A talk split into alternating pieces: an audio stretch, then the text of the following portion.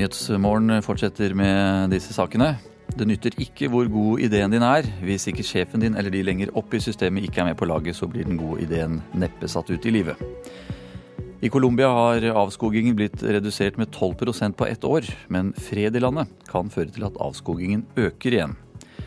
De første skritt mot nytt regjeringskvartal tas i dag. Statsbygg tar imot arkitektkontorene med forslag på minnepinne.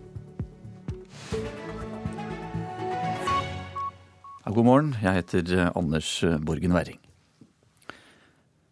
Rekordmange boligsalg og svært høy prisvekst skaper eh, problemer for folk, men ingen krise for landet. Det mener økonomene som vi har snakket med. Likevel mener mange det er på tide at politikerne gjør det mindre lønnsomt å eie eiendom.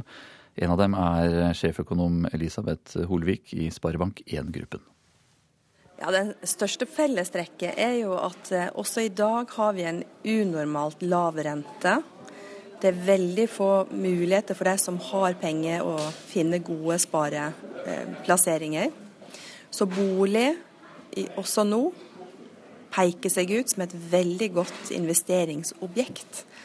Og vi vet fra historien at når bolig går fra å være noe som en kjøper for å bo, til å være noe en kjøper for å investere, da er det fare på ferde med tanke på dette med bobler.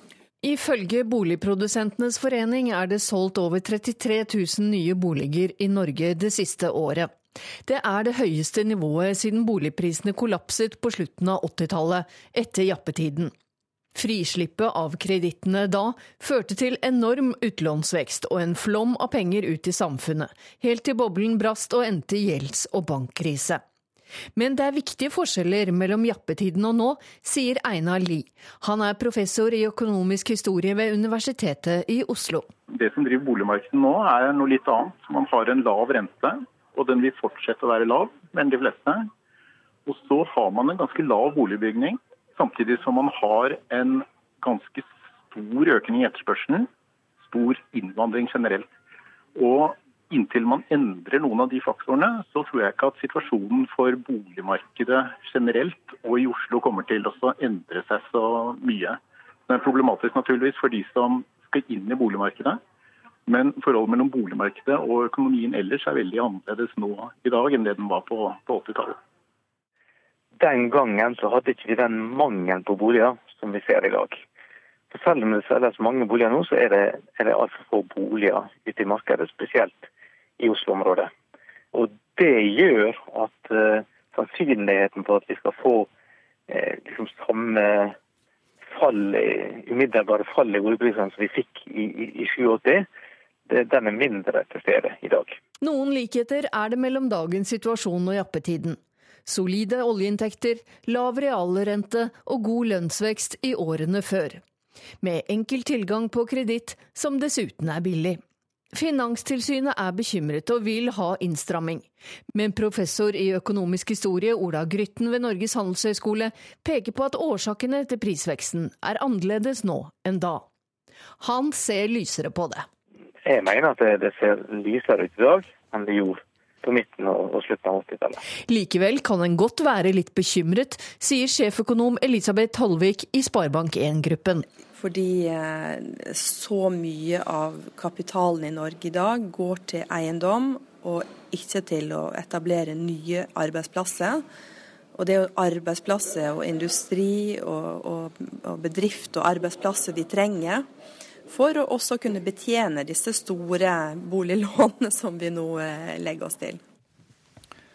Reporter eh, her, det var Hedvig Bjørgum. For å få til eh, innovasjon eller nyvinninger der du jobber, så er du helt avhengig av at eh, de som er over deg i systemet, støtter forslagene dine. Det viser en eh, doktorgrad skrevet på Høgskolen i Lillehammer. En som har merket hvor viktig det er med en positiv leder, er Jenny Hemstad i Lunder kommune. Det er helt avgjørende, egentlig. At det er noen som både støtter opp om det du driver med, og også lar deg prøve å feile litt. For det er jo ikke alltid at du treffer blink på første forsøk. Jenny starta i jobben i det politiske sekretariatet i Lunder kommune i 2010. Hun oppdaga raskt at noen av arbeidsoppgavene knytta til utsendelse av sakspapirer til politikerne i kommunestyret hadde potensial til forbedringer. Så vi var to stykker da, som måtte hjelpe til rett før møtene. Så vi brukte seks hele arbeidsdager på å klargjøre og kopiere opp og sende ut. Nå tar den samme jobben to timer for én person. Så det er mye kopiering jeg har sluppet unna. Det Jenny Hemstad snakker om er at hun rett og slett ville ha papirløse møter i kommunen. Og i stedet for å kjøpe dyre eksterne løsninger, så ville hun lage noe sjøl. Satt oss ned og prøvde å finne ut hvordan det skulle bli. Vi hadde ikke bestemt oss helt for plattformen, men det var iPaden som hadde kommet lengst på det, det tidspunktet. Vi jobbet oss bare derfra. Eh, tanken var at det skulle være like enkelt å få tak i sakspapirene på den nye plattformen som det var å åpne en konvolutt med papirer. Eh, I tillegg så var det jo litt begrensa med midler, så vi måtte jo prøve å gjøre det billigst mulig. Ja, det gjorde at vi falt på det valget vi gjorde, egentlig. Det var en veldig god løsning som vi syns fungerte vel så bra som disse dyre betalløsningene. Og at det ble en suksess er det ingen tvil om. 84 kommuner har vært innom Lunder for å lære å ta i bruk Jennys løsning for papirløse møter, en løsning som ikke hadde blitt en realitet hvis ikke den gang rådmann i Lunder og Jennys nærmeste sjef hadde gitt henne armslag til å gjennomføre endringene. Og nettopp sjefens betydning i innovasjonsprosesser, det kan Marit Engen, førsteamanuensis på Høgskolen i Lillehammer, mye om. Jeg syns Jenny sitt eksempel er et veldig godt eksempel. I april så disputerte Marit for doktorgraden sin, der hun har sett på hva som skal til for at ansatte skal bli aktive deltakere i innovasjon både i det private og det offentlige. Det er viktig at de har tilgang til ressurser. Noen endringer så kan de gjøre uten at man trenger å involvere noen. Men andre ganger så får ansatte ideer hvor de trenger eh, å få aksept fra mellomledere, de trenger tid, de trenger midler osv. Og, så og da er det jo viktig å ha en leder som ser verdien av at disse ideene blir en del av organisasjonen, eller kan utvikles videre. Det er jo naturlig som ansatt, altså om det er mellomledere, toppleder. Man går jo til sin nærmeste leder. Eh, det er jo den relasjonen som blir sentral for å kunne gå, gå videre med, med ideene sine. For Jenny Hemstad er ikke innovasjonslysten akkurat borte. Hun har en drøm som sikkert den nye rådmannen i Lunder, som snart skal ansettes, kommer til å høre mye om. Jeg har en drøm om å få en ny løsning der vi kan bruke de digitale mulighetene mye bedre. Så da ønsker jeg gjerne at saksbehandler kanskje kunne hatt en videosnutt der de forteller litt om saken at vi har eh, kartmuligheter, at vi har dronevideoer fra en befaring, at du linker og trykker på, at det dokumentet er litt mer levende. Kanskje mer som en avis enn det vi har i dag. Reporter her, Ole Martin eh, Ringlund. Og så skal det handle om Colombia. Der har avskogingen blitt redusert med 12% fra 2014 til 2015. Mye av eh, avskogingen i landet skyldes dyrking av eh, kokaplanter og ulovlig gruvedrift, som bl.a. Eh, FARC-geriljaen og andre illegale grupper har stått bak. Nå har FARC-geriljaen og myndighetene inngått en fredsavtale for å få slutt på den over 50 år lange krigen. Men mange frykter at avskogingen kan øke pga. Av avtalen. Jens eh, Frølich Holte, du er politisk rådgiver i Klima- og miljødepartementet for eh, Høyre. Det er litt sånn pussig paradoks dette her da, at fred skal føre til at avskogingen øker. Hvorfor eh, kan det skje hvis det blir fred i Colombia? Utgangspunktet er jo at fred er veldig bra. Colombia er et land med en, en veldig tragisk historie. Det er et fantastisk land, et av de landene i verden med størst biologisk mangfold. Og så er det sånn at eh, konflikten eh, i Colombia har ført til at store deler av landet eh, har, egentlig har unnsluppet avskoging. Avskogingen i Colombia er veldig lav sammenlignet med andre land i regionen. Og Sånn har det vært de siste årene. Og nå med fredsavtalen så blir det jo det blir jo flere områder av landet som blir fredelige. Det blir kanskje åpnet for, for, for landbruk og større prosjekter. og da da er det en risiko for at avskogingen kan øke. Ja, kan du si litt mer om hva som er årsaken til at eh, avskogingen har gått ned de siste par åra? Det kan være mange grunner til det. Eh, for det første så har colombianske myndigheter satt i gang et arbeid for egentlig å sørge for at lover og regler blir fulgt. Store deler av avskogingen er jo pga. ulovlig kokaproduksjon. 31% av avskogingen, faktisk. Og ulovlig gruvedrift. Slik at det at de håndhever lover og regler bedre, har bidratt. I tillegg så blir også befolkningen på landsbygden De får belønning for å drive med bærekraftig forvaltning av naturressursene sine. Og så kan nok det hende også at oppmerksomheten i befolkningen rundt dette med skog og bærekraft har økt de siste årene. Så det er mange faktorer som spiller inn. Og så har altså Norge inngått eh, et skogsamarbeid med Colombia. Det skjedde under klimatoppmøtet i Paris eh, i fjor for å få bukt med avskogingen. Men så er det da dette som du er inne på, ulovlig coca-plantedyrking og ulovlig gruvedrift. Hvordan eh, skal dere klare å bekjempe det? Det viktigste er at, at colombianske myndigheter følger opp planene de har laget. De har gode planer for bærekraftig vekst i Colombia. Og så inneholder også fredsavtalen veldig mange gode punkter når det gjelder ehm, landbruksreform. Eh, der står det også at ehm, eh, grensen, landbrukets grense inn mot skogen skal fryses, og at man skal på den måten egentlig ha mer, eh, mer produktivitet i landbruket og redusere avskogingen på den måten. Slik at de planene som ligger der er veldig positive. Og så vil jo Norge selvfølgelig stille opp med finansiering dersom planen gjennomføres. Og det var det Altså, klimatoppmøtet i Paris eh, var veldig stort, og det at Norge inngikk avtalen eh, med Colombia der, har også satt i gang veldig gode prosesser i Colombia. Jens Frølich Holte, takk for at du kunne komme til Nyhetsmorgen. Du er altså politisk rådgiver i Klima- og miljødepartementet for Høyre. Nyhetsmorgen er altså det du hører på nå, som går i NRK P2 og NRK Alltid nyheter. Dette er hovedsakene. Martin eh, Jonsrud Sundby angrer eh, Skal vi se, vi skal ha headlines her nå. Det er eh, noe som dere har hørt om tidligere i Dagsnytt i dag. Gjeldsvekst og økningen i boligpriser bekymrer eksperter, kunne vi høre om da. Men noen krise i landet, det blir det ikke, tror de. I presidentvalgkampen i USA så leder republikaneren Donald Trump over demokraten Hillary Clinton i Ohio og Florida. Aldri har en republikaner blitt valgt til president uten å vinne disse to vippestatene. Og byplanleggere viser stadig mindre respekt for signalbygg, mener arkitekt. Stavanger kan få kontorbygg foran Konserthuset og cruisekai rundt Oljemuseet. Det skal vi høre mer om eh, straks.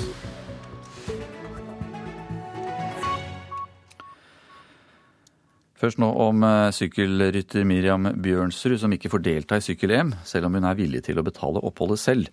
Etter terrorangrepene i NIS så trakk eh, byen seg av sikkerhetsmessige grunner som eh, arrangør. Og nå skal rittet i stedet gå i Bretagne. Det betyr en langt mindre norsk tropp. Det er synd, sier Bjørnsrud. Nei, Jeg syns det er trist. Altså, jeg veit at det er flere jenter òg, og sikkert på herresiden også, som, som har vært interessert i å i å, i å, reise. Altså EM det er et stort mesterskap hvor uh, vi, vi, norske har veldig store muligheter til å, til å, få gode resultater. Norges Sykleforbund hadde allerede betalt rundt 200 000 kroner for oppholdet i NIS da det ble kjent at byen trakk seg som arrangør for EM. Foreløpig vet ikke forbundet om de får pengene tilbake. Derfor er den norske troppen redusert ned til elleve juniorer som reiser til Bretagne.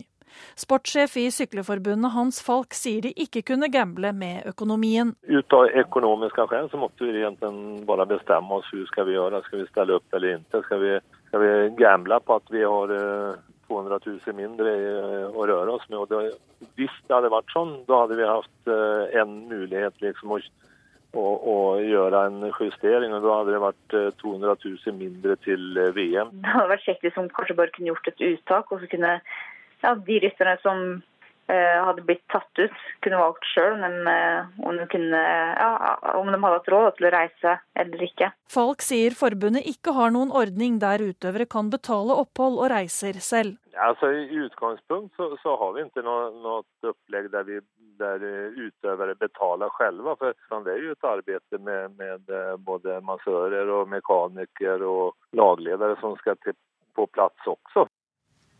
Reporter eh, Hilde Liengen. Da skal vi ta en titt på eh, hva avisene skriver om eh, i dag. Martin Jonsrud Sundby angrer på hemmelighold. Det er Aftenposten som skriver dette i dag. Allerede for ett år siden så ville Skiforbundet fortelle om astmamedisinbruken til langrennsløperen, men Ski-S stanset dem, og det angrer han altså på nå. Det er en myte at Norge er en eh, versting når det gjelder narkotikadødsfall, melder eh, Klassekampen. 250 mennesker dør hvert år av overdoser her i landet. Men rusforsker Helge Wold sier til avisa at det er tull at Norge er versting i Europa på overdosedødsfall. En kontroversiell eh, snusrapport ble stanset fordi Helsedepartementet ikke likte resultatene, hevder en forsker i VG. Funnene i studien eh, gir ikke grunnlag for å hevde at nøytrale snusbokser er mindre attraktive enn originale snusbokser. Og det passet dårlig med den politiske agendaen til helseministeren, sier forskningsleder Carl Erik Lund. Nokas-raneren Kjell Alrik Schumann står fram i Dagbladet i dag, der han eh, forteller om sitt nye liv. Om to uker så kommer eh, filmregissør Oliver Stone til Oslo for å presentere sin eh, kommende storfilm om varsleren Edward Snowden. Det er Dagsavisen som skriver dette her. Samtidig jobbes det intenst for at Snowden selv skal kunne komme for å motta Osietzky-prisen. En gründer lanserer eh, en gratis nettmeglertjeneste. Det er oppslaget til Finansavisen. Mannen bak Skandiabankens nettbank, Jon Malm Norgård, utfordrer med nettjenesten eh, Megle selv eiendomsmeglerbransjen og konkurrenten Propper ved å tilby helautomatisk boligsalg på nett helt gratis. Vårt Land er opptatt av eh, aktiv eh, dødshjelp i dag. Skriver om en mann i Danmark som drepte kona si ved hjelp av sovetabletter fordi hun ba om det. Mannen ble dømt for drap, men slipper å sone. Kaos og krangel på styrerommet er eh, overskriften i Dagens Næringsliv. De tre eierne av eh, Oslo Sportslager har tjent 113 millioner kroner de siste ti åra, men var så uenige at de ikke klarte å holde styremøter.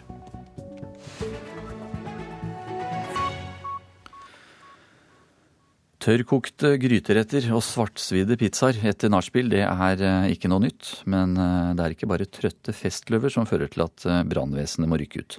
Ganske ofte så skyldes røykfylte kjøkken stressede småbarnsforeldre med tusen ting å tenke på.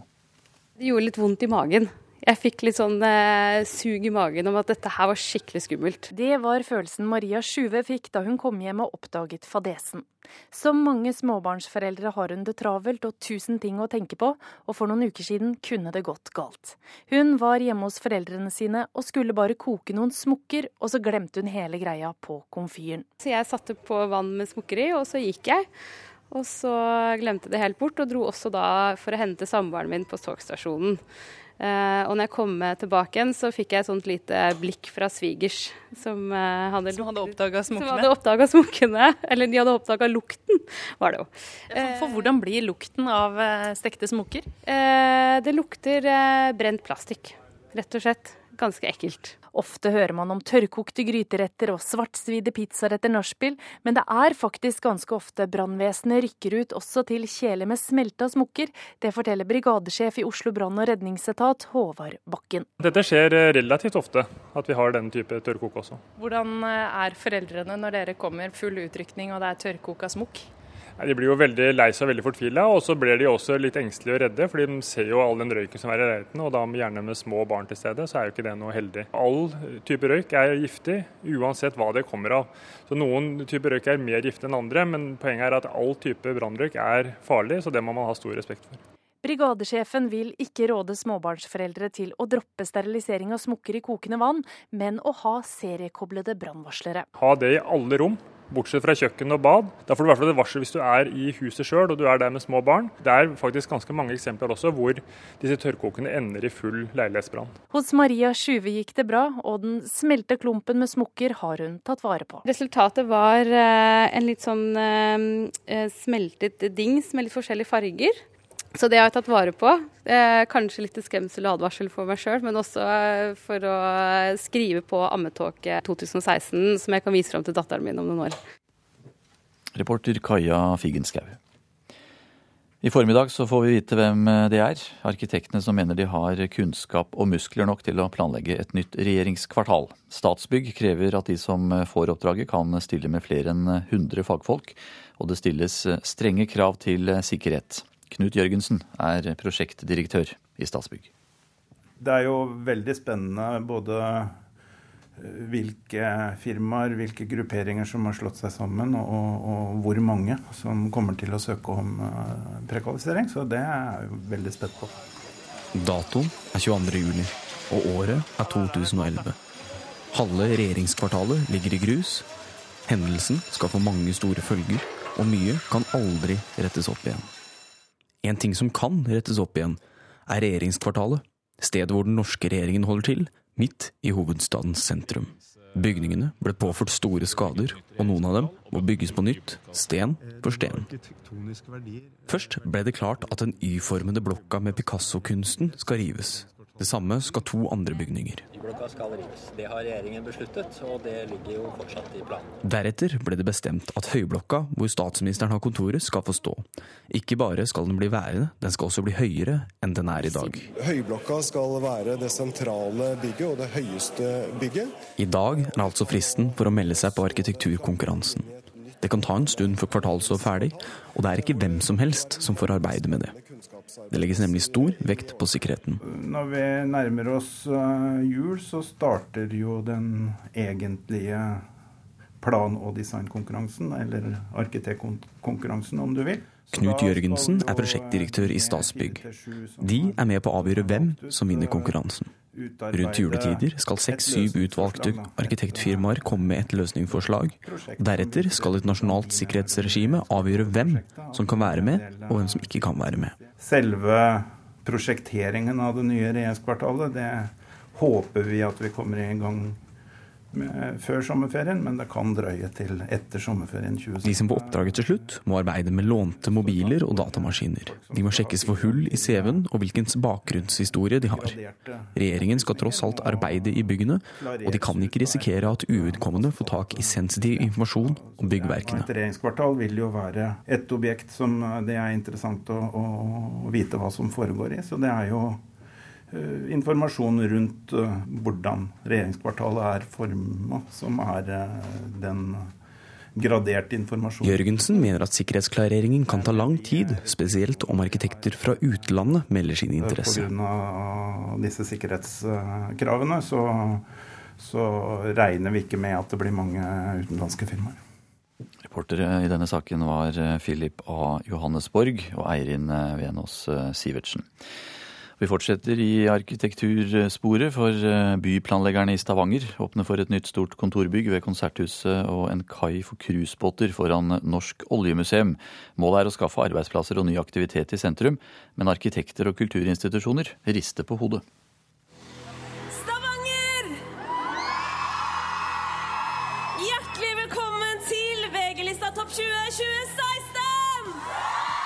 Det har vært ganske mange arrangementer her, og de som har hatt flest mennesker, er jo faktisk VG-lista.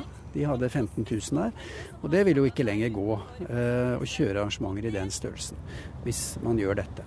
Og dette, som konserthusdirektør Per Harald Nilsson refererer til, er ny sentrumsplan for Stavanger, der byplanleggerne i det reviderte forslaget åpner for et kontorbygg på maks åtte etasjer på kaien ved Konserthuset. Kjære Stavanger, er dere gira? Nøyaktig der Kristine Danke og VG-lista-artistene sto plassert på en scene 6.7 i år. Det, det, vi har tenkt er at eh, vi vil foreslå aktivitet langs kaien som bidrar til å skape mer liv i den aksen mellom Konserthuset og Indre Vågen. Sier kommuneplansjef i Stavanger, Ole Martin Lund. Så Et overordnet perspektiv er at det legger til rette for flere arbeidsplasser i byen, i sentrum. Det er ganske mange kontorer her i området, og det er ikke det som skaper den type sentrumsaktivitet som denne delen av sentrumsplanen fokuserer på. Umiddelbart så virker det nesten litt panisk og litt umotivert. Sier Per Christian Brynildsen i Ratio Arkitekter, som har tegnet Konserthuset til om lag 1,2 milliarder kroner. Et utleiebygg for kontorer, det virker helt malplassert eh, som inngangen til eh, Konserthuset i Stavanger. Og akkurat nå så er det altså Gardens eh, drilltropp som tar en oppvisning. I juni ble denne plassen brukt under feiring av kongeparets 25-årsjubileum. Sett for all del ikke et kontorbygg akkurat her, sier Brynildsen. Så eh, skygger det for eh, forplassen og tar noe av luven fra Stavanger konserthus. Også Norsk oljemuseum har protestert kraftig mot sentrumsplanen. Museet, som er bygget som en oljeinstallasjon ute i sjøen, kan bli liggende bak en ny cruisebåtkai. Brynildsen ser tendenser til fallende respekt for signalbygg i Norge. Ja, fellesskapets eiendom, så flytter man den oppmerksomheten til mer anonyme bygg som kan bytte eiere, bytte funksjon. Og så blir lesbarheten av liksom byens språk da, eller elementer, den blir vanskeligere. Hvis vi hadde ment at dette var ting som bygde oljemuseet eller konserthuset inne, da hadde vi ikke foreslått det. Reporter her, Anette Johansen Espeland. Skal vi eh, se litt eh, på været. Østafjells, eh, fjellet i Sør-Norge, der ventes det rolige vindforhold i dag. Stort sett pent og varmt vær. Lokal tåke først på dagen. Vestlandet sør for Stad, der blir det også stort sett pent og varmt vær i dag. Videre til Møre og Romsdal og Trøndelag. Først på dagen noe skyet og lokal tåke. Senere stort sett pent vær også der, og utover dagen stigende temperatur. Nordland for enkelte regnbyger. Senere oppholdsvær og en del sol. Troms eh, og Finnmark. Der eh, ventes det nordvest eh, frisk bris utsatte steder. Forbigående liten kuling i Øst-Finnmark. Regnbyger, men færre byger utover dagen. Så var det Spitsbergen. Der ventes det vestlig liten kuling utsatte steder. Enkelte regn- og sluddbyger. Og med ettermiddagen skiftende bris. Stort sett oppholdsvær.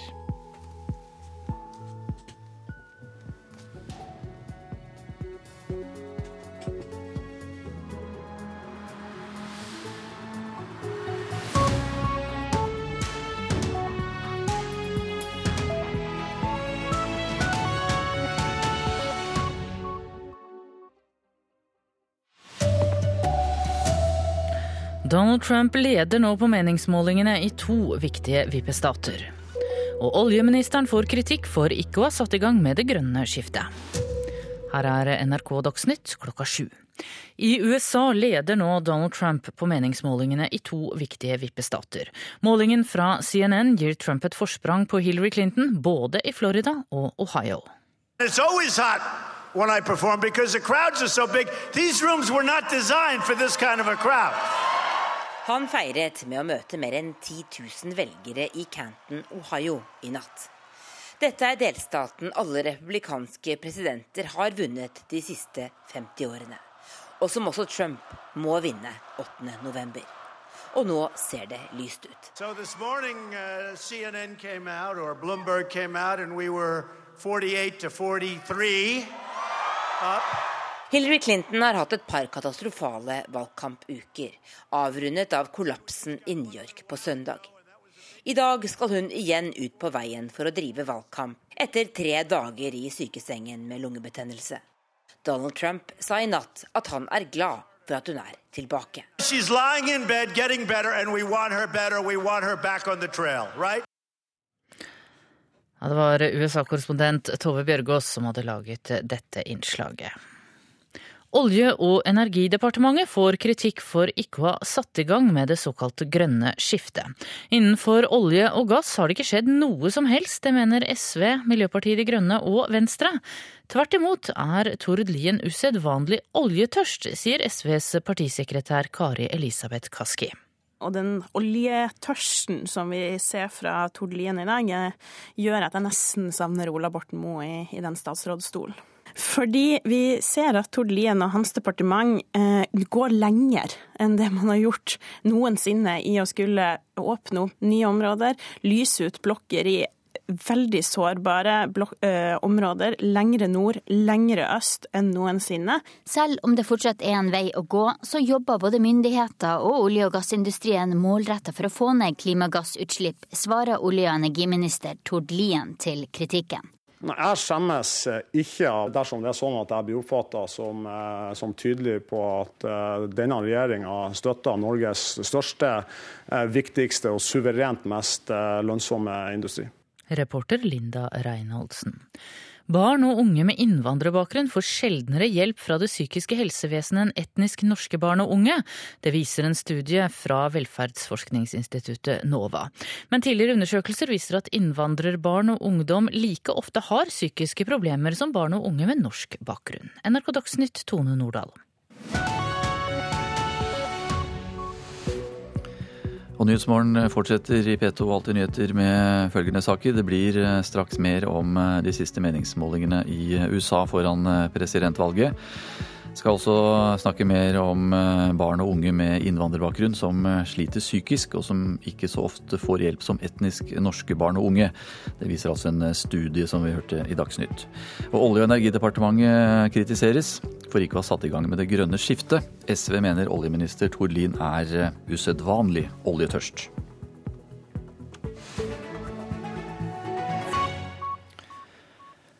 Ja, Donald Trump leder eh, altså på nye meningsmålinger i eh, delstatene Florida og Ohio, som er eh, noen av de mest avgjørende for å vinne presidentvalget i USA 8.11. En ny CNN-måling viser at Trump har 3 prosentpoeng høyere oppslutning i Florida og 5 prosentpoeng høyere i Ohio. Dette bekrefter trenden fra målinger i forrige uke, som viste at Trump har tatt igjen mye av den store ledelsen som Clinton hadde. It's when I perform because the crowds are so big. These rooms were not designed for this kind of a crowd. Han feiret med å møte mer enn 10 000 velgere i Canton, Ohio i natt. Dette er delstaten alle republikanske presidenter har vunnet de siste 50 årene. Og som også Trump må vinne 8.11. Og nå ser det lyst ut. So this morning, uh, CNN came out, or Bloomberg came out, and we were 48 to 43. Hillary Clinton har hatt et par katastrofale valgkampuker, avrundet av kollapsen i New York på søndag. I dag skal hun igjen ut på veien for å drive valgkamp, etter tre dager i sykesengen med lungebetennelse.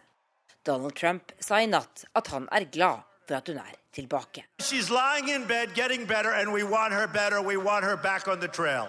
De nye meningsmålingene bekrefter trenden som ble synlig i forrige uke.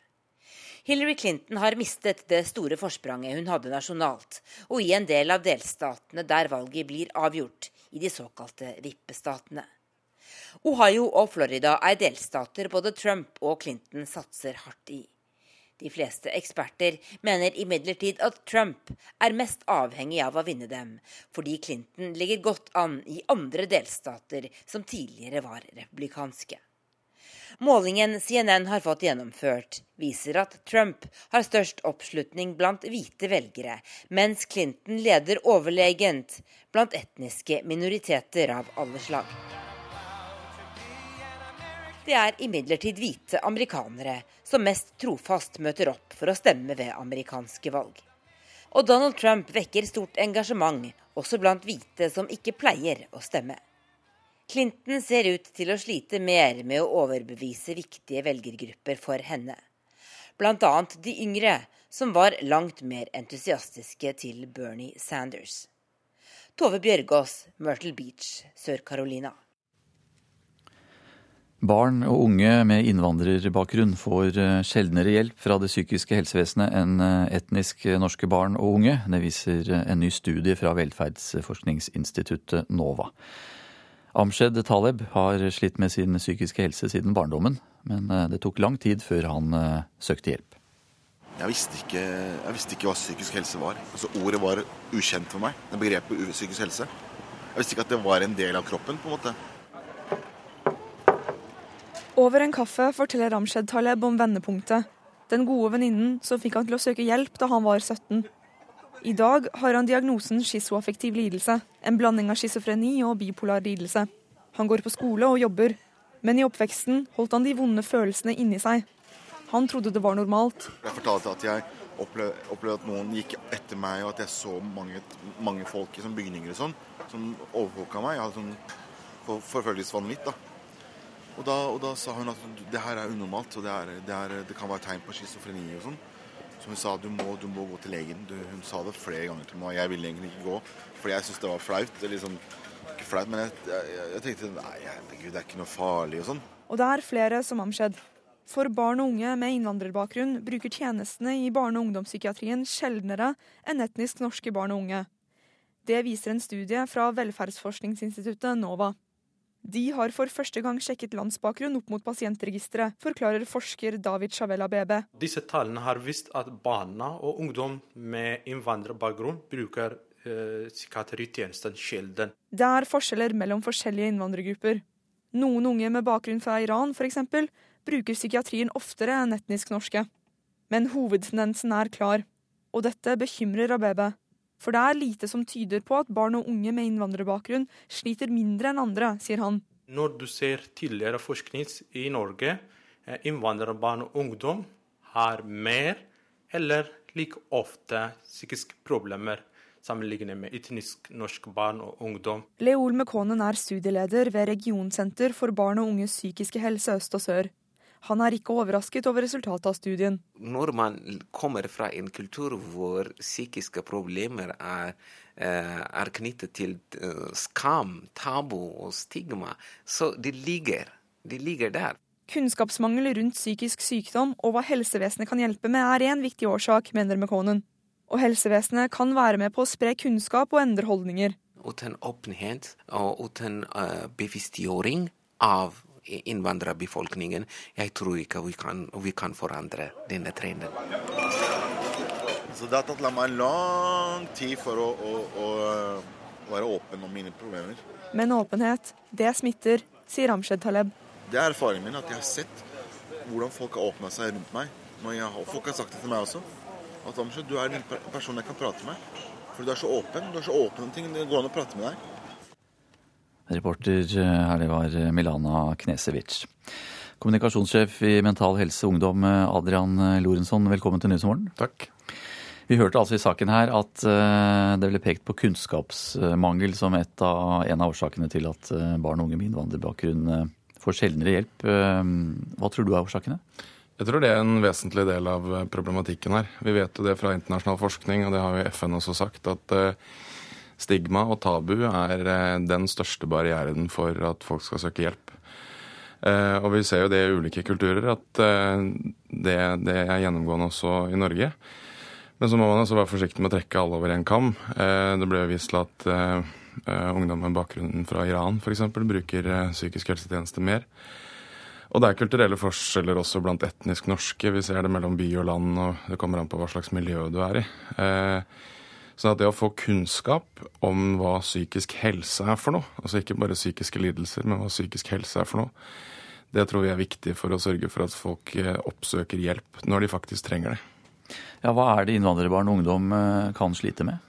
Det er så ofte så er det jo det samme som norske barn og unge sliter med. Det vi vet folk sliter mest med, er jo angst og depresjon. Det er de mest utbredte lidelsene. Og så har du eh, lidelser som f.eks. Amseth i reportasjen her eh, hadde. Altså type schizoaffektiv lidelse eller schizofreni og bipolar lidelse og sånne ting. Eh, som ikke er like mye utbredt. Men, men, angst og depresjon er jo de, de, dyreste lidelsene vi har i Norge. og det er helt klart at hvis man ikke får hjelp og ikke oppsøker hjelp, så kan det få ganske mye større konsekvenser enn man er klar over. Ja, Hva slags konsekvenser kan det få? Nei, Vi ser at folk dropper ut av videregående. Personer med depresjoner er i enkelte studier påvist å ha større tilbøyelighet til rusbruk. Og man har større sjanse for å dette utenfor arbeidslivet. Vi har jo sett en økning av antall unge uføre, og hvor den økningen i all hovedsak kommer pga. psykiske lidelser. Dere i Mental Helse Ungdom, hva gjør dere for å nå lettere fram informasjon om dette her? Altså, som en relativt liten organisasjon så jobber vi jo så iherdig vi kan med å nå ut der vi kan. Vi har nylig i samarbeid med Mental Helse og Bydel Gamle Oslo åpna et senter i Bydel Gamle Oslo der barn og unge, helt uavhengig av hva slags problematikk de måtte ha, om det på en måte er hverdagsproblemer eller mer alvorlige ting, kan komme inn og slå en prat. Og så er på en måte eh, senteret eh, rigga til på den måten at eh, alle som jobber der, har kontakter innad i helsevesenet. Sånn at skulle man ha alvorlige problemer, så skal det ikke ta lang tid før man får den hjelpen man trenger. Og det er strengt tatt ikke da bare rettet inn mot innvandrergrupper? Nei, det er rettet inn mot alle som måtte bruke det. Men i bydel Gamle Oslo så er det jo også ganske høy tetthet av innvandrere. Kommunikasjonssjef i Mental Helse Ungdom, Adrian Lorentzen, takk skal du ha. Jeg skal videre til Kina nå, for tyfonen Meranti nådde landet i natt. Etter å ha herjet på Taiwan så hadde tyfonen mistet kraft idet den traff det kinesiske fastlandet. Men Asia-korrespondent Peter Svaar, hvilke skader har den gjort? Meteorologene sier jo dette er den kraftigste tyfonen verden har sett i år. Og vindstyrken var bare marginalt lavere enn eh, tyfonen Haiyan, som herjet Filippinene i 2013. Størst skader har den gjort der den traff land, nær eh, byen Chamen med 1,2 millioner innbyggere. Der står deler av byens gater under vann. Redningsmannskapene redder nå folk med båt, og strømmen har gått for 1,6 millioner mennesker i hele Fujian-provinsen. Det ligger eh, trær på kryss og tvers i gatene, ser vi på bilder fra kinesisk TV her. Det har også gått eh, med en del vinduer. Og selv om skadeomfanget enda ikke er kjent, så er det til nå ikke meldt om noen eh, omkomne her i Kina. Det kan selvfølgelig endre seg etter hvert. Hvilke områder er det som er hardest rammet? Det er det sørvestlige Kina, Fujian og Guangdong-provinsene. Det var også lenge frykt for at dette værsystemet skulle ramme Hongkong, men eh, den byen har nå til nå i hvert fall gått fri. Utfordringen i disse områdene helt sørvest i Kina er veldig kupert terreng. Det er veldig mye fjell og veldig eh, dype daler. Og med nedbørsmengder nå ventet opp i 250 mm, så gjør det at faren for jordskred blir veldig stor. Og det betyr også at det er for tidlig å si at faren er over for at det kan gå menneskeliv. Hvor vanlig er det med slike tyfoner? Ja, Det er veldig vanlig på denne tiden her i Asia. Det kalles uh, tyfonsesongen, den uh, perioden vi er på vei inn i nå. Det spesielle er jo at værsystemene de siste årene har blitt mye kraftigere. Tyfonen Meranti er den kraftigste som har kommet inn over Kinas uh, fastland siden kommunistene tok makten her i 1949, melder kinesiske nyhetsbyråer. Og Det skyldes at havtemperaturen i Stillehavet har steget noe. Det gjør jo også at mange forskere mener det er en sammenheng mellom den type ekstremvær vi ser her her i denne delen av verden nå, og global oppvarming. Takk skal du ha, Asia-korrespondent eh, Peter Svaar, som altså kunne fortelle at tyfonen eh, Meranti har nådd Kina i natt. Eh, har mistet kraft, men den har altså ført til store ødeleggelser både i Taiwan og altså da på det kinesiske fastlandet. Det er Nyhetsmorgen du hører på. Klokka har passert kvart over sju. Dette er hovedsakene. Barn og unge med innvandrerbakgrunn som sliter psykisk, får ikke så ofte hjelp som etnisk norske barn og unge, viser en ny studie. Oljeminister Tord Lien er usedvanlig oljetørst, ifølge SV, som eh, mener eh, Olje- og energidepartementet må komme i gang med det grønne skiftet. Mer om det eh, straks. Og presidentkandidat Donald Trump leder nå på meningsmålingene i to viktige vippestater. Ohio blant annet.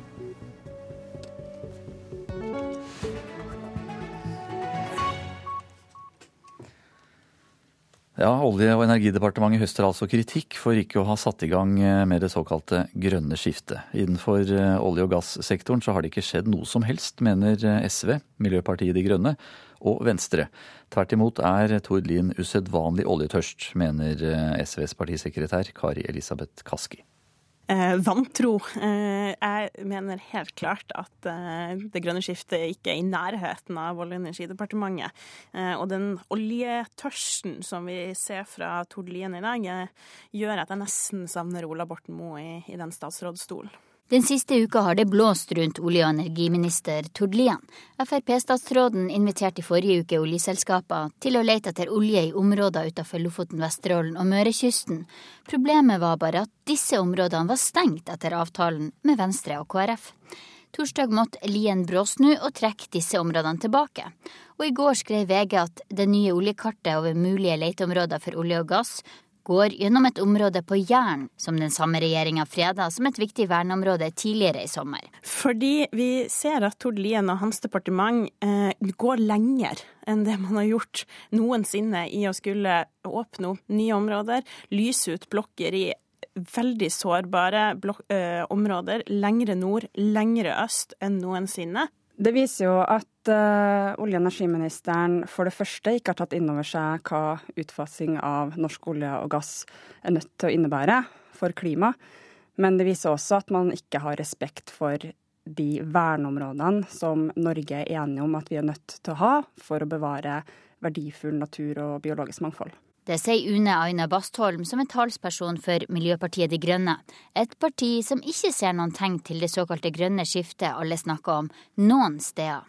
Foreløpig så er det jo eh, klima- og miljøminister Vidar Helgesen som snakker om det grønne skiftet, og så ser vi lite politikk i de sektorene hvor utslippene faktisk må tas.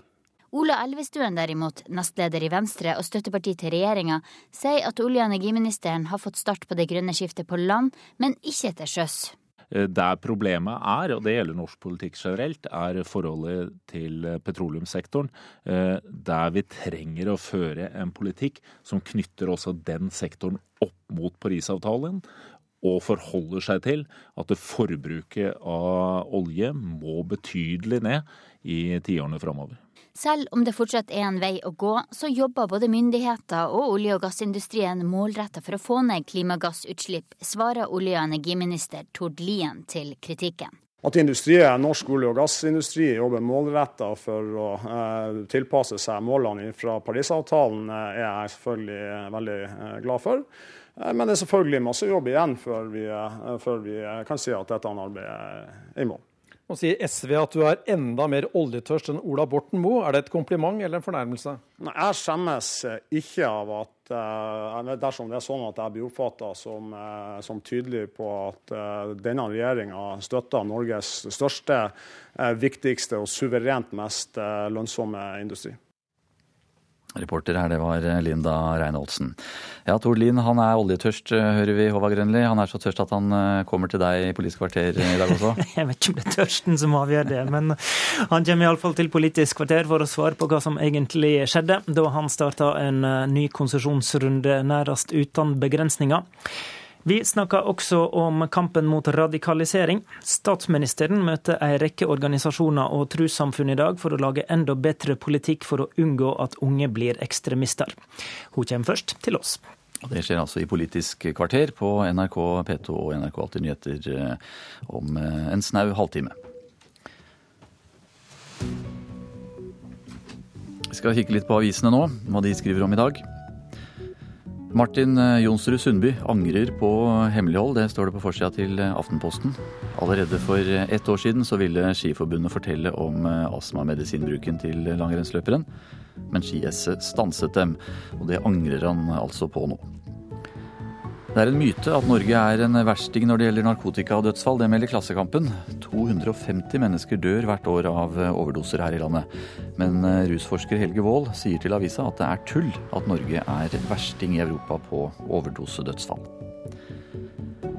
En eh, kontroversiell snusrapport ble stanset fordi Helsedepartementet ikke likte resultatene, hevder en forsker i VG. Funnene i studien gir ikke grunnlag for å hevde at nøytrale snusbokser er mindre attraktive enn eh, originale snusbokser. Det passet dårlig med den politiske agendaen til helseministeren, sier forskningsleder Carl Erik Lund. Nokas-raneren eh, Kjell Alrik Schumann står fram i Dagbladet i dag. Og Der eh, forteller han bl.a. om sitt nye liv. Om to uker så kommer eh, filmregissør eh, Oliver Stone til Oslo for å presentere sin kommende storfilm om varsleren Edward Snowden, skriver Dagsavisen. Samtidig jobbes det intenst for at Snowden selv skal kunne komme for å motta Osietzky-prisen. En uh, gründer lanserer en grafis, gratis uh, nettmeglertjeneste. Det er oppslaget til Finansavisen.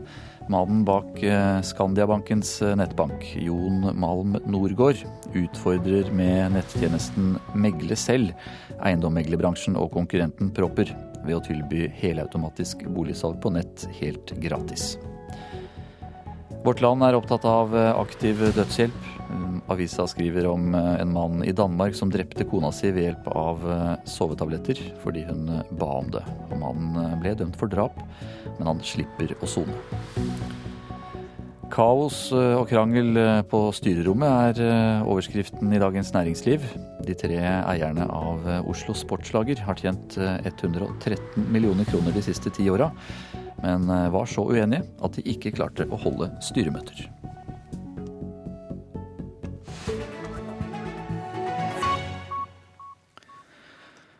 Skal vi høre at uh, rovviltnemnda i Telemark, Vestfold, Buskerud og Aust-Agder vil øke bruken av uh, viltkamera. Det kommer fram uh, i forslaget til en ny forvaltningsplan for de fire fylkene. Lederen for nemnda, Jørund Ruud, mener det vil gi bedre tall på hvor mange gauper det finnes i områdene, og tror gevinsten av flere viltkameraer kan være stor. Viltkameraer har jo vært i bruk i en god del år, men da mer på sånn forsøksbasis og prosjektbasis og til dels privatbasis og sånn. Men det vi, har, det vi har sett gjennom de åra, det er at det gir utrolig mye ny og mer eksakt kunnskap om viltet, viltets vandringer, hvor mange vi har, hvilke revirer de opererer innenfor osv. osv. Fagleder for eh, naturmangfold i Naturvernforbundet, Arnold eh, Håpnes, kaller forslaget et sidespor. Viltkamera har fått fram mye eh, viktig kunnskap, og forskerne gjør en kjempefin jobb på det. Men vi mener at ressurser bør brukes på andre måter, og få folk til å akseptere og lære å leve med rovdyr. For vi skal ha mer rovdyr i norsk eh, natur enn det vi har i dag. Folkeaksjonen for eh, oljefritt Lofoten, Vesterålen og Senja synes det er eh, lite lurt av ordførere i Troms å si ja til konsekvensutredning av oljeaktivitet i havområdet. Sju ordførere fra Sør- og Midt-Troms deltok i går i et samarbeidsforum som er eh, positive til oljeutvinning.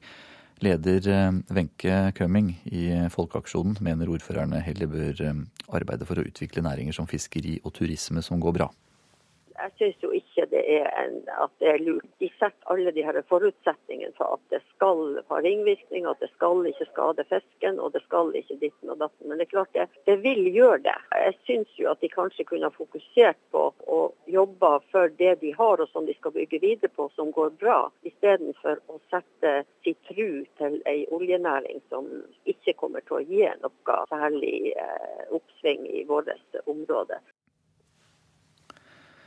I 2002 så hadde to millioner eh, privatkunder her i landet fasttelefon. Nå er det bare 325 000 private som har det, og gjennomsnittsalderen den er 70 eh, år. Selv om eh, fasttelefonen er mye dyrere, så kjenner jeg meg tryggere på den, sier Gullbjørg Haugen i Skien. Jeg føler meg tryggere. Og kan du si når jeg har begge, har alarm, og derfor føler jeg meg trygg. Mere med den andre telefonen, eller gjør med mobil. Gullbjørg Haugen er en klassisk fasttelefonkunde. Hun har den mest fordi det er trygt. Det er ettersom, kan du si. Det, men det er da mest kanskje mobilen, hvis at eh, jeg vet at de har mobil og svarer på mobil. For det at når du bruker den andre, så blir det dyrere. Arne Kvist Christensen er moderniseringsdirektør i Telenor. Han forteller at det har vært en formidabel nedgang i tallet på fasttelefoner fra to millioner i 2002 til 325 000 nå. Det vil si en nedgang på nesten 85% Først og fremst har vi hatt en formidabel utbygging av mobilnettet vårt. Prisene på mobil har gått ned.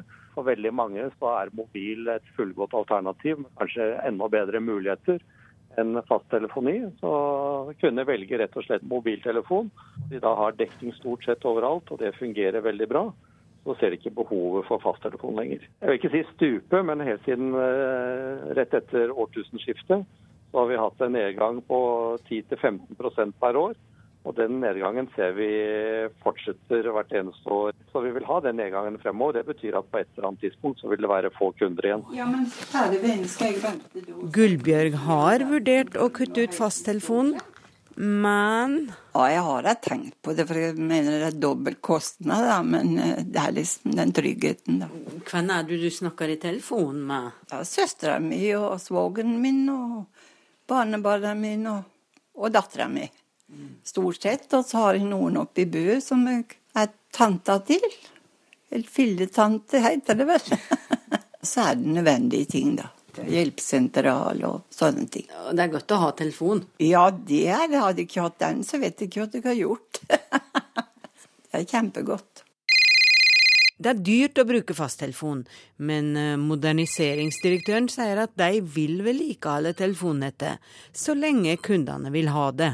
Her er det mange eldre som er veldig glad i fasttelefonen sin, og per i dag så har ikke vi noen planer om å ta det ned på kort sikt. Jeg tror nok det at det er fordi at du er vant med den gamle telefonen, den fasttelefonen. Du lener deg inn på den mer, kan du si, enn du gjør på mobil. Og så kanskje den lader seg ut og litt forskjellig. Det gjør jo ikke den andre. Og så er det noen som eh, har fremdeles manglende mobildekning. Da mener at fasttelefon er det beste alternativet for dem. I løpet av de senere åra har mobilnettet vært nede over store deler av landet to ganger. Mange kjenner det tryggere å ha en fasttelefon av den grunn. Det er jo ingen nett som vil ha 100% oppetid, det kan man ikke garantere. Det kan være linjer som graves over, det kan være flom, det kan være ras som gjør at eh, noen ting tas ut. Da eh, vil det være fornuftig av mange å ha en eh, dobbel løsning. Mobiltelefon kombinert med fasttelefon eller IP-telefoni, som er liksom nye fasttelefonen. Det har forskjellige egenskaper, men i det store og det hele så vil jeg si at den er minst like sikker. Reporter her, det var Anne Lognvik. Ja, Det er Nyhetsmorgen eh, du hører på. I reportasjen etter Dagsnytt så kan du høre at den colombianske geriljagruppa FARC møtes denne uka til det som blir kalt eh, den siste kongressen. Fredsavtalen skal undertegnes og kan gjøre slutt på over 50 års eh, krigføring. Produsent for Nyhetsmorgen er Vidar Eidhammer. Jeg heter Anders Borgen Werring.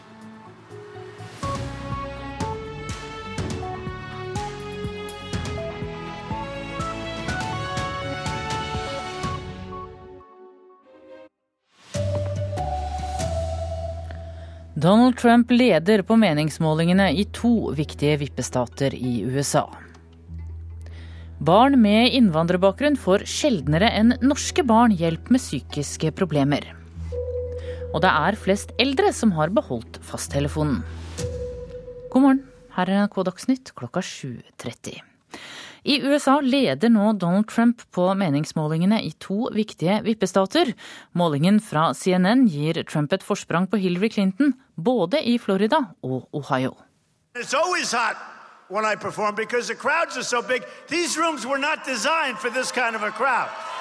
Han feiret med å møte mer enn 10 000 velgere i Canton, Ohio i natt. Dette er delstaten alle republikanske presidenter har vunnet de siste 50 årene og som også Trump må vinne 8.11. Og nå ser det lyst ut. So morning, uh, CNN came out, or Bloomberg came out, and we were 48 to 43 up. Hillary Clinton har hatt et par katastrofale valgkampuker, avrundet av kollapsen i New York på søndag. I dag skal hun igjen ut på veien for å drive valgkamp, etter tre dager i sykesengen med lungebetennelse. Donald Trump sa i natt at han er glad for at hun er tilbake.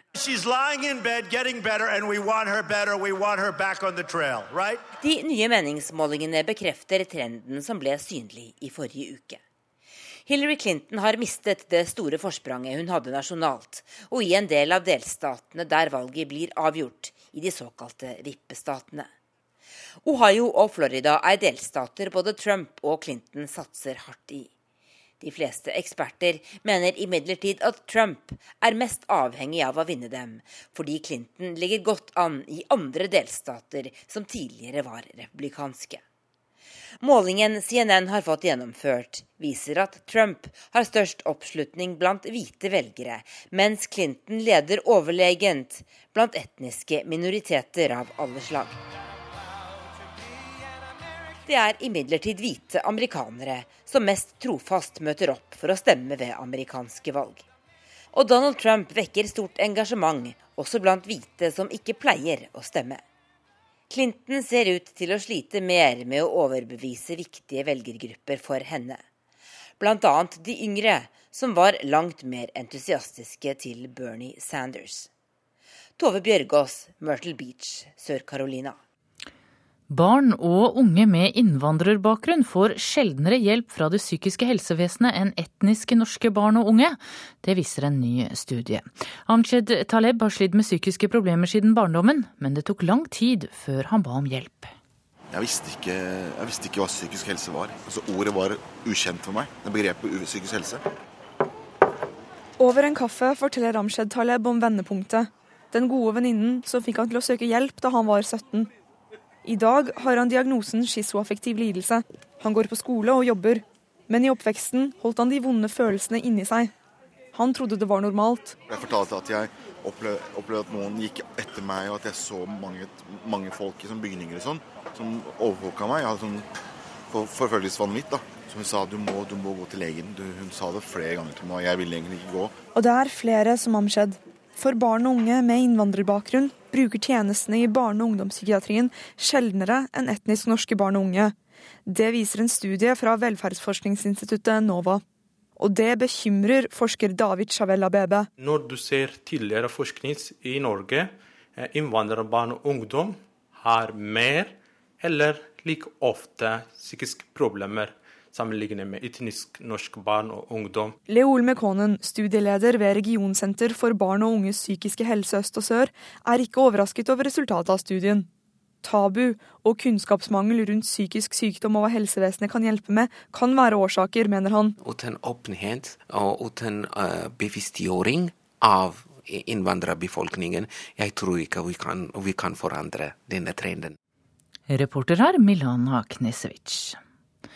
Rekordmange boligsalg og svært høy prisvekst skaper problemer for folk, men foreløpig ingen krise for landet, det mener økonomene NRK har snakket med.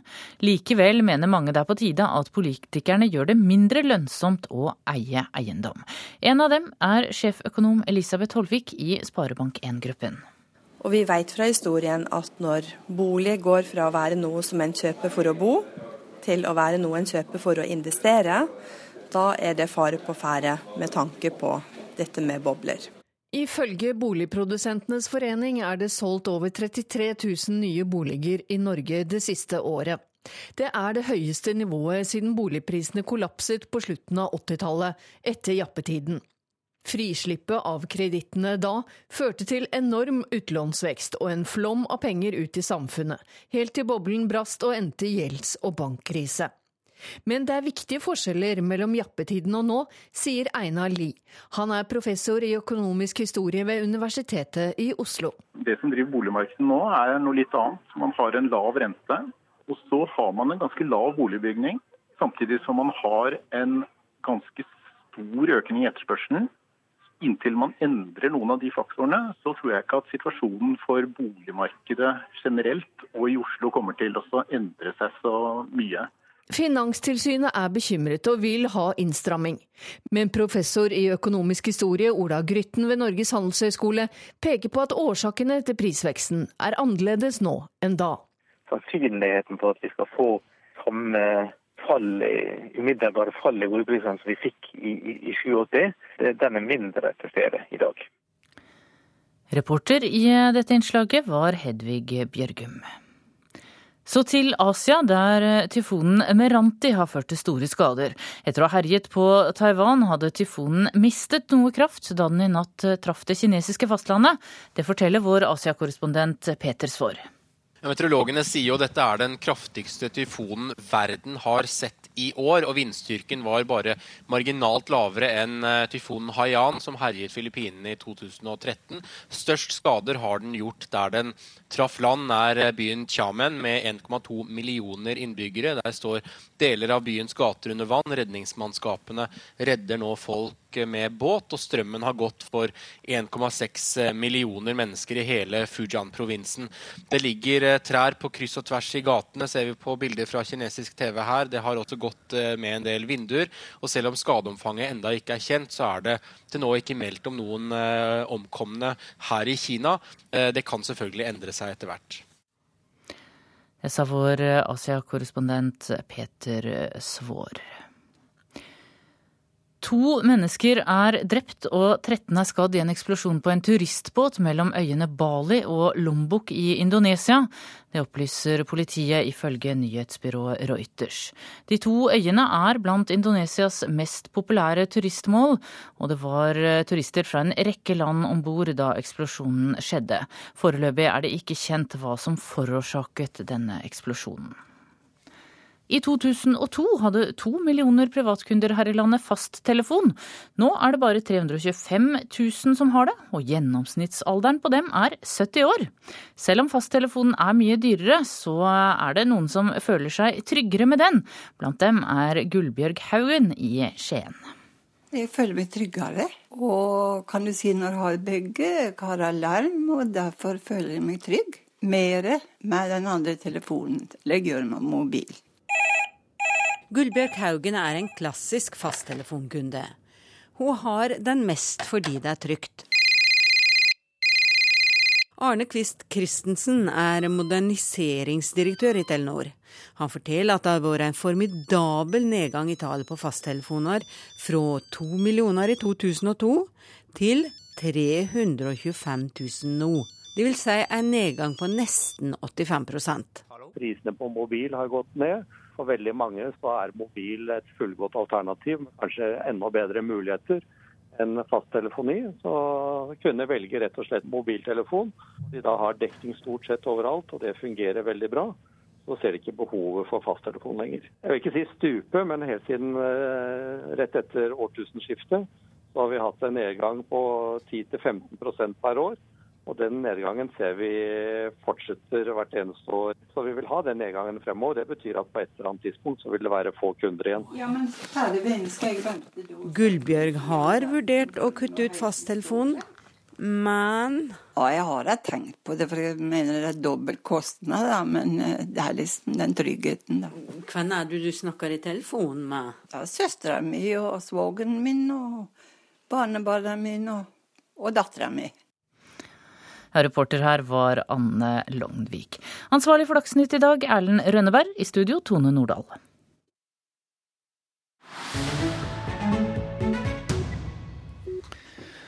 Hundrevis av medlemmer i den colombianske geriljagruppa FARC møtes denne uka til det som blir kalt den siste kongressen. De skal godkjenne fredsavtalen som skal gjøre slutt på over 50 års krigføring. På en gjørmete slette noen timer fra den nærmeste byen begynner et slags konferansesenter å ta form. Tidligere geriljasoldater har byttet ut våpen med sag og hammer.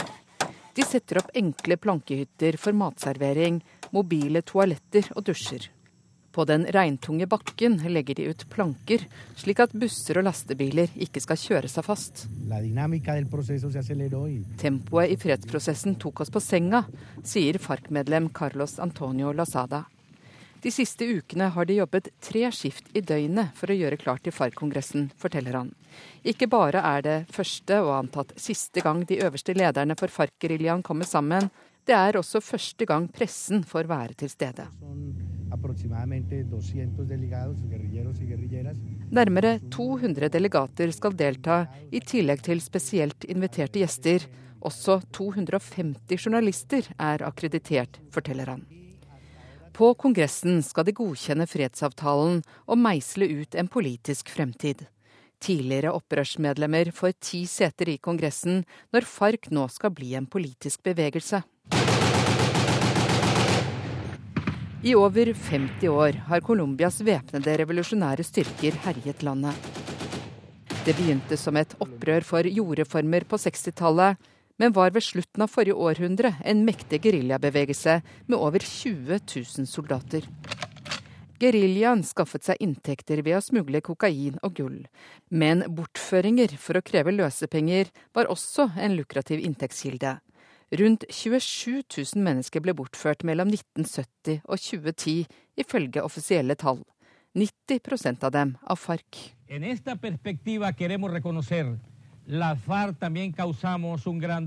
Vi innrømmer at FARC under konflikten påførte folk store smerter.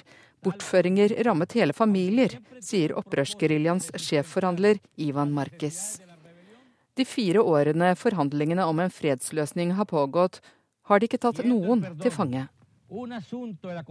De kommer ikke til å gjenta den praksisen, men håper at den blir begravd for alltid, sier han. Mens Kongressen pågår, gjør valgkomiteen seg klar til den nasjonale folkeavstemningen 2.10.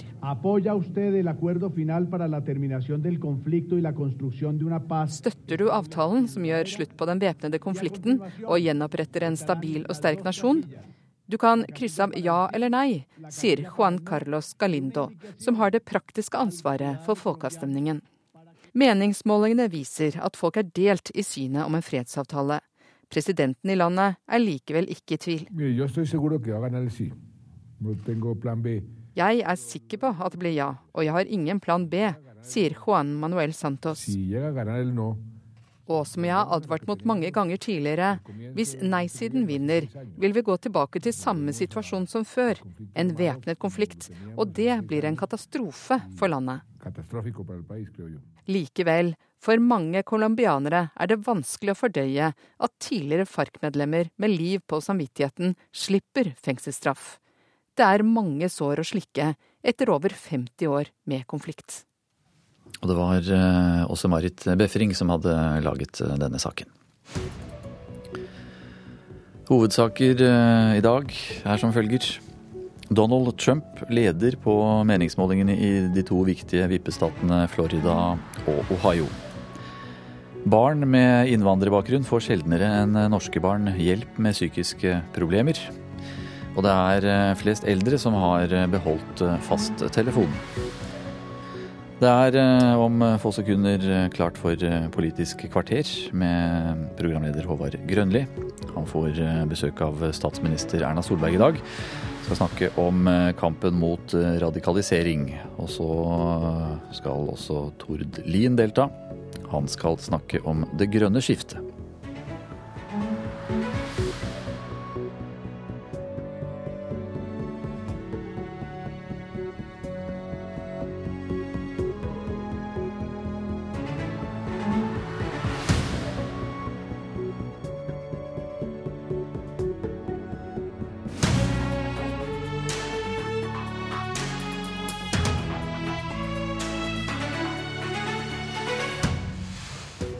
Statsministeren vil bedre politikken mot radikalisering. Men hva slags politikk berger unge kriminelle menn uten jobb, skole og foreldre? Erna Solberg møter erfaringene fra gata og moskeene her i Politisk kvarter. Vi får også besøk av oljeminister Tord Lien og spør hva han egentlig prøvde på da han inkluderte en lang rekke omstridte områder da han starta prosessen med 24. konsesjonsrunde. I dag starter statsministeren og justisministeren arbeidet med en ny handlingsplan mot radikalisering, med å invitere en rekke organisasjoner og trossamfunn til et innspillsmøte. Statsministeren er gjest i Politisk kvarter, men eh, aller først skal vi få en liten rapport fra gateplan. Omar Gilani Syed, du er prosjektleder for noe som heter Samarbeid for inkluderende dialog i Oslo. Det er et samarbeid mellom kommunen og bl.a. flere moskeer i bydel Gamle Oslo. Dere jobber for å nå sårbar ungdom som kan være i fare for å bli radikaliserte. Hva slags utvikling ser du nå? Er det flere eller færre unge som står i fare for å bli radikaliserte? Så jeg mener at eh, radikaliseringen er eh, redusert, og dette skyldes jo mye pga. det gode samarbeidet mellom da politiet, Oslo kommune og moskeene. Og da tenker jeg spesielt på ungdomsgruppene i moskeene, som ICC Ungdom og Norges Unge Muslimer. og unge fra Madni-moskeen. Mm. Det er veldig viktig da også å tenke på å fortsette det gode arbeidet, selv om det er redusert, og ikke da begynne å hvile på de gode resultatene. Flere jeg har snakka med om dette temaet, sier at det går bedre enn for bare et par år siden. Eh, hva tenker du har vært vellykka, da? Ja, også Det som har vært vellykket, er jo det brede samarbeidet. At man når ut til lukkede grupper og inkluderer dem mye mer i samfunnet vårt, i fellesskapet. Men det er jo også veldig viktig, altså det er en veldig viktig jobb som er igjen, og det er å inkludere resten. Og, og vise at vi er, eh, har plass til alle sammen. Og da er det viktig også å fortsette med å bekjempe utenforskap. Mm. For du ser at sårbar ungdom, selv om de ikke blir radikaliserte, er de ikke utenfor faresona. Hva ser du at skjer i stedet for? Eh, det som skjer istedenfor, er jo at eh, vi ser at ungdomskriminaliteten har jo blitt et eh, problem. Og det er veldig viktig å da ta vare på de unge med tanke på jobb og utdanning. Prøve å få dem tilbake på skolen og, eller ut i arbeidslivet. Og Derfor er det veldig viktig med ungdomstiltak som da kan hjelpe dem tilbake i, på skolen eller ut i arbeidslivet. Og Da er det veldig viktig med et bredere samarbeid og fortsette med det gode samarbeidet vi har, og kanskje da prøve å få til et enda bredere samarbeid for å nå ut til enda flere. Blir de kriminelle, de som før ble eh, religiøse ekstremister? Ja, altså Jeg er ikke helt sikker på om det er akkurat den samme gruppen, men, eh, eh, vi kan absolutt lære av det arbeidet vi har gjort eh, hittil. Og vi kan bruke de gode resultatene og implementere dem da i å få de ungdommene som faller i kriminelle kretser, tilbake i vårt gode fellesskap. Fordi vi må ikke la onde kriminelle krefter destabilisere samfunnet vårt. Statsminister Erna Solberg. Eh, satt på spissen, er det bedre om en utsatt ungdom blir gjengkriminell enn religiøs ekstremist? Eh, nei, det er det ikke. Det er klart eh, terrorfaren går ned ved at det blir færre som blir religiøse ekstremister og lar seg rekruttere som fremmedkrigere. Men vi må jo sørge for at vi har et inkluderende samfunn. Og disse, hvordan du adresserer arbeidet mot radikalisering og voldelig ekstremisme har veldig mye felles med også hvordan du jobber med, mot ungdomskriminalitet, mot folk som er utenfor. For det, vet, det, er den samme jobben, tenker du? Det er den samme jobben. For vi ser jo at de som blir eh, altså PSTs rapport i går viser at rekrutterings... Eh, Eh, ja, Det som er karakteristikker for de som blir rekruttert til radikalisering tidligere, er jo ofte at de har vært i kontakt med politiet. De har vært ungdomskriminelle, de har vært småkriminelle. De har en, kanskje en søken etter etter et annet miljø, noen autoritetsfigurer, en, en, en, gruppefølelse, en identitet. Og så går de fra da kanskje vært eh, småkriminelle til å bli ekstreme, eh, eh, radikaliserte og voldelige. Og det gjelder både på høyresiden i politikken, altså på ekstreme nynazister fra før av, og det skjer innenfor de muslimske miljøene for ekstrem islamske Og det, det, er mye det felles. Det er det å sørge for å inkludere at folk ikke kommer, havner utenfor samfunnet vårt. Men så er det viktig at det er litt ulike grupper som kan nå det. Og det som er så bra gjennom det arbeidet som nå skjer i Oslo og flere andre kommuner, at man har klart å involvere de muslimske menighetene sammen med lokalt støtteapparat, sammen med politiet. Og da når man ut på en annen måte enn det jeg tror politiet eller hjelperapparatet alene hadde gjort. Vi har en to år gammel radikaliseringsplan som samler 30 tiltak. Hva utvikling ser du nå da som uh, gir behov for nye tiltak? På det første sa vi når vi la frem den at det skulle være en dynamisk plan. At vi må ha nye tiltak, og vi må lære av det som skjer ute. Hva slags ny til... politikk ønsker du, da? Det er det vi ber om innspill til. Så jeg skal ikke komme med fasit når vi har et møte i dag. Jeg vil gjerne høre hva de som er ute, de som jobber med arbeidet, har av innspill, de frivillige organisasjonene. Og så skal vi bygge på det videre.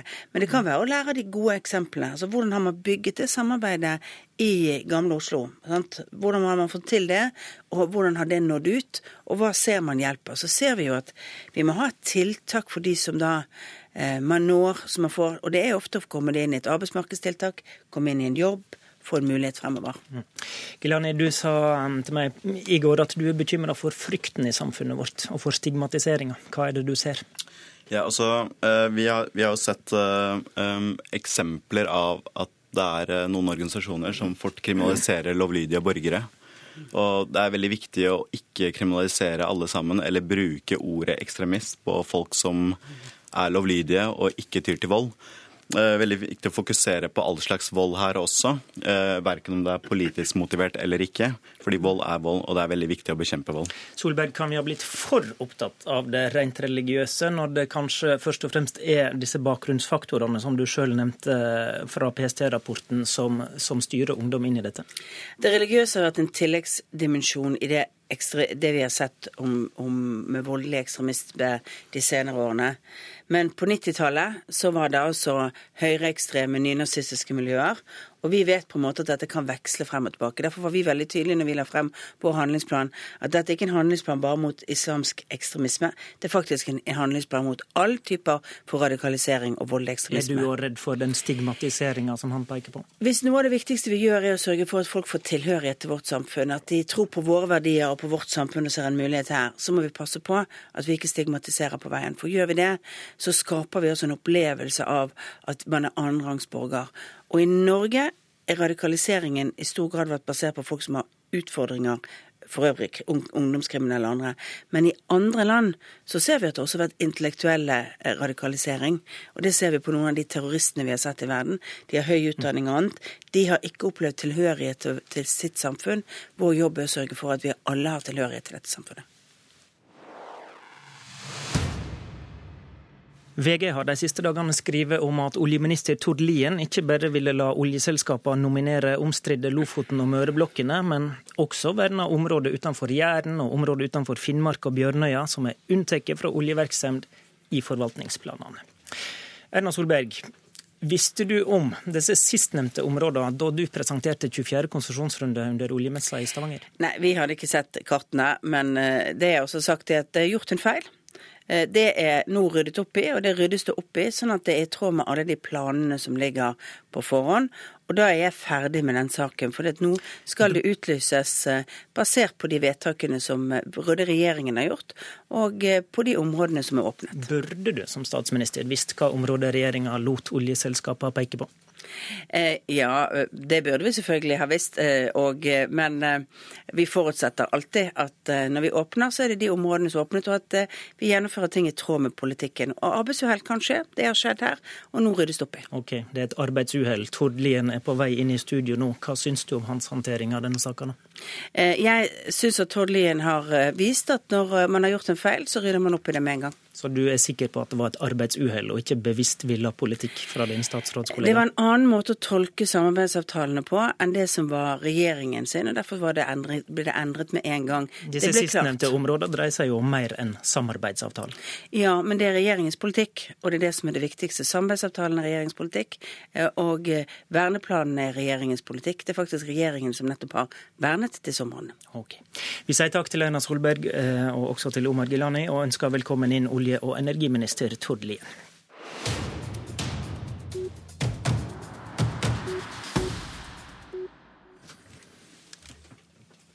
Når en ser på teksten for nominasjon av 24. konsesjonsrunde Lien, så er det en viktig forskjell til tidligere runder.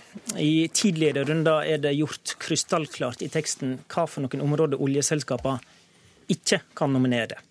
Hvorfor gjorde ikke du dette tydelig denne gangen? Nei, nå har det vært eh, veldig mye snakk om, om disse kartene. Jeg har lyst til å begynne med hva dette handler om. Nominasjonsprosessene er helt grunnleggende for å gi næringa areal eh, tilgjengelig. Eh, og Det er grunnlaget for at vi kan skape flere hundre tusen av de mest lønnsomme arbeidsplassene eh, i Norge, også i generasjonene som ligger, ligger, foran oss. Ja, men Mitt spørsmål er hvorfor du brøt med en lenge etablert praksis med å tydeliggjøre hva for noen områder som er unntatt i nominasjonsprosessen, når du eh, starta en ny runde nå? Som jeg har sagt ifra dette ble publisert, så har det aldri vært, vært, vært min hensikt å, å utlyse arealer som har vært omfatta av, eh, av forvaltningsplanen. Eh, okay, så det var et arbeidsuhell, sånn som statsministeren sier? da? Ja, det har jeg også sagt eh, i ettertid, at dette er en prosess vi kun har håndtert, håndtert bedre enn en, en det vi gjorde. og Derfor har vi også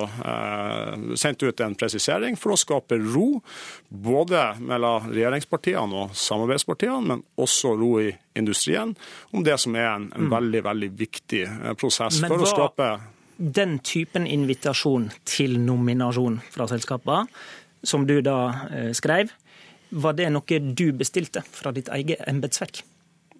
Det et spørsmål jeg må stille en gang til. Ja, Den teksten som gikk ut da du eh, starta denne prosessen, eh, der du inviterer oljeselskapene til å nominere, var den teksten noe du bestilte altså, fra ditt eget embetsverk? Sånn som, eh, som, eh, fagstatsråd så er man ansvarlig for eh, alt som, alt som skjer i departementet. og Jeg syns ikke det er naturlig med å kommentere på, på den typen prosesser, men jeg var, var klar over Jo, men Det interessante det er, er jo om det, det er et arbeidsuhell, eller om det er en bevisst villa eh, politikk. Altså dette, det er jo sånn at Jeg var kjent med eh, premissene. Olje- og energidepartementet ga premissene som lå til grunn for, at, for, for dette kartet. og eh, Det var vi kjent det, det var med. Når, kjent med jeg, og det var sånn du ønsket når det? Når jeg oppdaga at det ble styr rundt dette, både i, mellom samarbeidspartiene og i industrien, så fant vi det nødvendig å sende ut en, en presisering okay, på det. Så, okay, så, det så, så, ja, ja, men det er interessant. Så det er støyen som gjør at du må endre det. Du, I utgangspunktet ville du ha eh, eh dette kartet og ikke unnta de områdene er veldig, jeg er veldig glad for at denne eh, prosessen eh, nå er håndtert på en sånn måte at både KrF og, og Venstre er komfortable med, med det, som, det, som, skjer. Det har vært, selvfølgelig vært viktig for meg. Og det er også nettopp det faktum som gjør at det blir ro også i industrien for rammen for dette viktige, denne, dette viktige arbeidet. Braut du med tidligere praksis for å berede grunnen for oljeutvinning i disse områdene i neste stortingsperiode? Men det er, det er altså viktig å ha med seg at nominasjonsprosessen som, nu, som nå er satt i gang, som er, som er første av tre deler Regjeringa tar jo stilling til hvilke arealer som skal være med i 24. runde når vi skal utlyse over jul.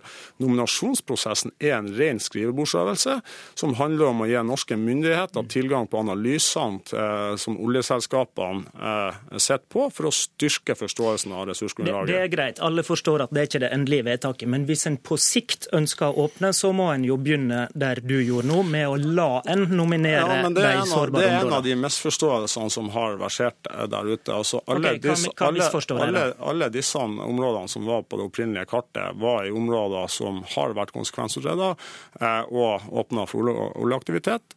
Så var, av, så var, det begrensninger på, på, noen av de områdene. Ja, Du inkluderer jo også et verna område utenfor Jæren. Hva er poenget ja, med det? da? Det, det, akkurat det har vært eh, altså det området som, som Vidar Helgesen endelig fikk på plass et, eh, et permanent vern og en permanent forskrift for nå i, i sommer, har jo vært midlertidig verna i veldig lang tid.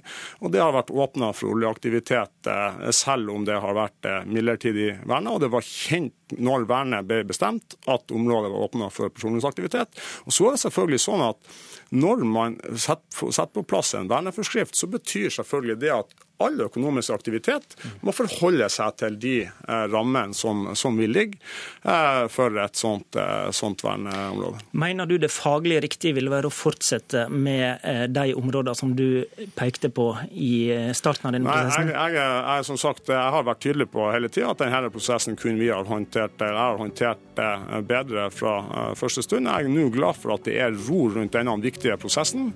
Dette er viktig for verdiskapinga i mange tiår framover. Takk til deg i studio, Håvard.